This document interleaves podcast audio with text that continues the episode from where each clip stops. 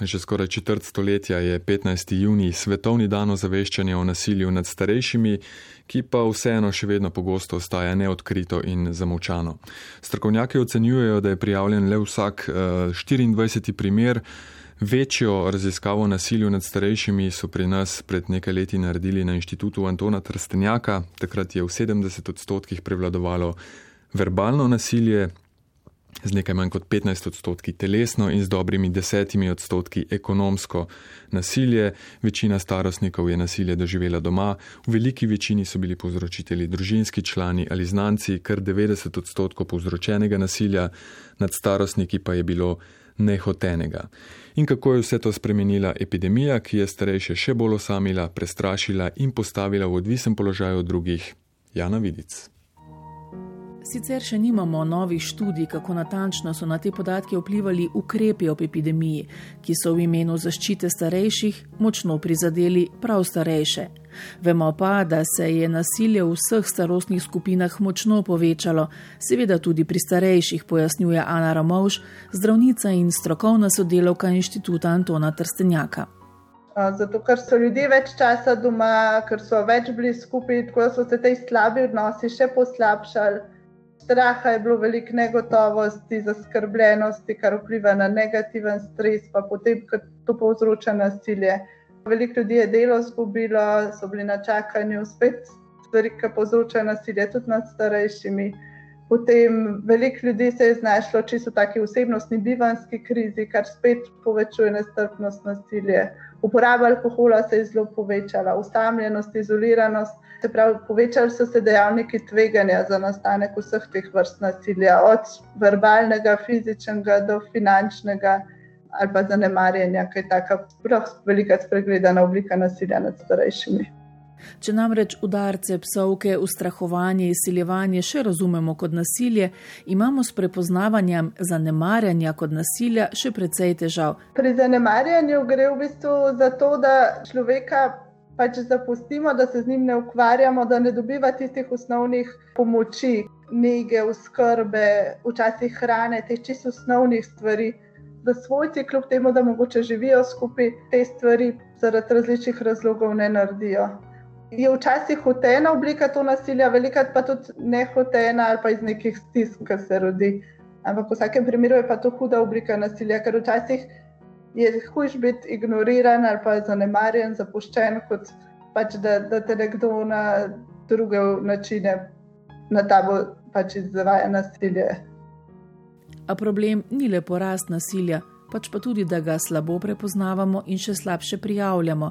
Čeprav nikakor ne moremo posploševati, pa morda delno lahko pojasnimo, da se to dogaja tudi zato, ker gre za generacijo, ki je navajena drugačnih vzorcev in ki je pogosto močno odvisna od povzročiteljev, pravi Helena Govekar, socialna delovka, ki je tudi koordinatorka za preprečevanje nasilja v Centru za socialno delo Ljubljana. Starostniki imajo težave pri tem, to pa zaradi načina življenja. Morda današnji stari ljudje oziroma starejši so živeli pretežno v patriarhalni družbi in še vedno, predvsem pri ženskah, ne, nižja izobrazba, delali so mnoga dela za ston, skratka, ne prepoznajo, da se dogaja nasilje, če pa že, a ne, uvidijo, pa vedno znova opravičujejo povzročitelja, nas se vzamejo krivdo, strah jih je, sram morda, strah jih je, da bodo ostale same ali ostali sami, že tako je ta korona zaznamovala ljudi, da so bili osamljeni še bolj, Poleg tega je prijava nasilja v družini razumljena tudi kot osebni poraz, ki lahko prinese nove stiske. Ljudje, ne vem, morda par, ne, ki sta se poročila pred 50 leti, ne, sta se poročila iz ljubezni in nekako ne morejo razumeti, da ta človek zdaj to počne. Ne. In če ga prijavi, ker je vajena ali pa vajen živeti z njim, z njo, potem to pomeni, da ga bo zgubila in bo še bolj sama kot sicer ali sam. Podobno je tudi pri dilemi, ali zaradi nasilja sprožiti postopke proti otrokom in vnukom. To je neka navezanost, ne? otroci so le moji otroci, to so moji vnuki, povejo. Ne?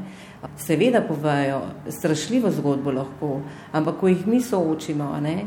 kaj pravzaprav to pomeni in kako je potrebno in da je potrebno o nasilju spregovoriti, kaj je potrebno ustaviti, kakšni so ukrepi, posledice, potem rečejo, ja pa vendarle, to je moj otrok ali moj vnuk, tega pa res ne morem narediti. In podobno je tudi pri prepoznavanju ekonomskega nasilja. Imajo občutek, da so nekako dolžni pomagati, sploh če gre nasilje strani eh, lastnih otrok, vnukov, partnerjev, morda mislijo, da so dolžni, da je tako prav, da jim morajo dati, da bodo preživeli, ne? morda so tudi sicer uh, ekonomsko stanje njihovih otrok ali vnukov slabše, potem so ne prepoznajo tega kot nasilje. Pojasnjevanje okoliščin ali poskusi razumevanja, zakaj je prišlo do nasilja, nikakor ne pomenijo omalovaževanja stisk ali zmanjšanja odgovornosti povzročiteljev, pravi Helena Govekar. To je normalno v človeških odnosih. Samo mi se moramo pa toliko bolj potruditi skupaj z žrtvijo, da nekako sprevidijo, da nekako ugotovijo, da to je pa nedopustno in nedovoljeno, kar jim počne nekdo, ki ga imajo sicer radi. In kako lahko centri za socialno delo dejansko ukrepajo, sploh ko gre za osebe, ki so od povzročiteljev nasilja močno odvisne. Če nekdo pokliče, eh, da se mu dogaja nasilje, mi vsekakor ravnamo po zakonu o preprečevanju nasilja v družini, kjer obravnavamo žrtvo in povzročitelja. Žrtvo povabimo, bodi si na pogovor, lahko gremo tudi mi na teren in se pogovorimo z žrtvijo, kjer naredimo hipno oceno ne, ogroženosti, potem načrt pomoči in kako jo bomo zaščitili. Seveda je bistvo sodelovanje tudi te žrtve. Ne? Če nam to uspe, potem žrtvo lahko zaščitimo. Hkrati pa tudi delamo s povzročitelji in jih napotimo v ustrezne institucije, če je to potrebno, morda um, ne vem, če gre za alkoholizem še hkrati, v obravnavo uh, od prepovedanih substanc, ki jih pač uživajo ljudje in pitje prekomerno alkohola ali v kakšne druge zdravstvene institucije, vendar je tukaj res zelo veliko odvisno tudi od sodelovanja uh, ljudi. Problem, ki je enak tudi pri nasilju v drugih starostnih skupinah, je, da naša družba še zmeraj ne zna odstraniti povzročitelja, pač pa umika žrtev. Pri starejših pa so včasih odnosi in prepletena soodvisnost še večji, a ne nerešljiv problem. Rešitve so lahko raznolike, vsekakor pa nasilje nikakor ne sme ostati samoumeven del življenja, je prepričana Ana Ramovš vsak, če pri sebi prepoznava, da se nad njim dogaja nasilje ali pa v njegovi okolici, ena stvar, ki je posebej, če gre za neko resno obliko nasilja, je, da se to prijavi, ker šele potem lahko stečejo postopki. Se pravi, tle so policije, tle so centri za socialno delo. Druga stvar, ki je pa pomembna, je pa, da naredimo čim več preventivnih stvari, da se nasilje ne poslabša ali pa da do njega sploh ne pride. Tle pa ulaganje v lep pogovor odnose, podpora okolice čim večja. Če je neko tvegano pitje, da, da ne zapade v alkoholizem ali pa da, da se zmanjšuje, tle so pogovori o dediščini pravočasno ali pa o premoženskih zadevah. Se pravi, take stvari uh, bi svetovala, da se v bistvu čim več naredi, da se odstrani možnosti za poslabšanje ali pa nastanek nasilja.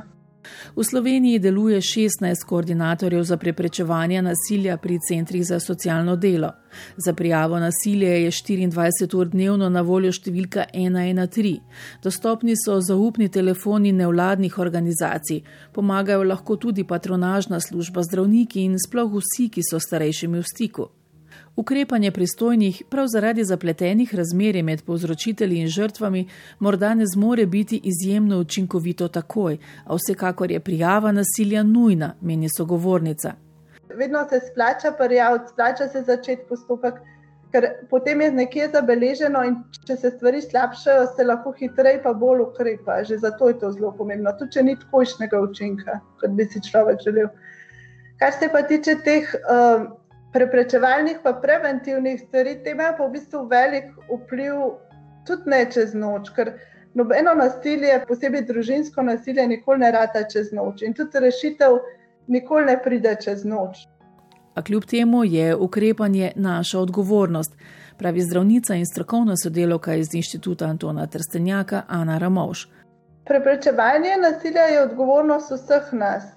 To, da če je huda oblika nasilja, da ga prijavljamo ali pa da ukrepamo, je nekako odgovornost do sočloveka. Tako da je zelo pomembna stvar, da se ne potegnemo nazaj, pa ne računamo, da bo že nekdo drug. Zato, ker nažalost potem drugi ljudje tudi se malo potegnejo nazaj, pa računajo, da bo nekdo drug in na koncu nihče ne ukrepa, dokler ni prepozno. Predvsem pa nikakor ne smemo pričakovati, da bodo s koncem epidemije kar usahnili tudi napetosti, spori, nasilje in še posebej ne osamljenost, opozarja socialna delovka Helena Govekar. Lahko pa, da bo tudi več nasilja, ki bo posledica tega življenja.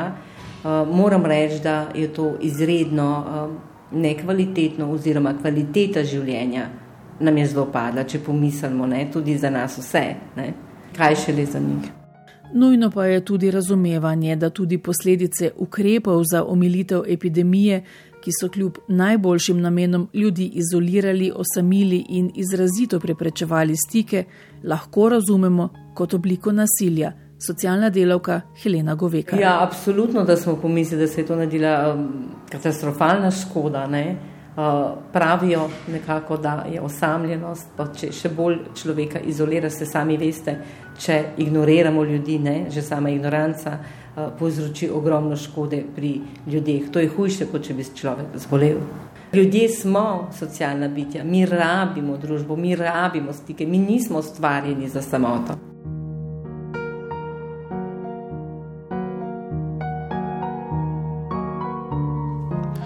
Ja, in tudi s podporo projektu Vida na valu 202 opozarjamo na težave predvsem ranljivih starostnikov. Osamljenost je med epidemijo postala še večja težava, zato so bili tudi pri društvu Humanitarček, ki vodi projekt Vida pred dobrim letom eh, med pobudniki Čveki Fona. To je brezplačna telefonska linija, ki omogoča klepet in krajšanja dolg časa. Čveki Fon še vedno deluje vsak dan med 8 in 20 uro na brezplačni telefonski številki nič 8, nič 3, 8, nič 7, nenehno pa deluje tudi telefonska številka za žrtve nasilja v družini in sicer nič 8, nič 1, 1, 5, 5.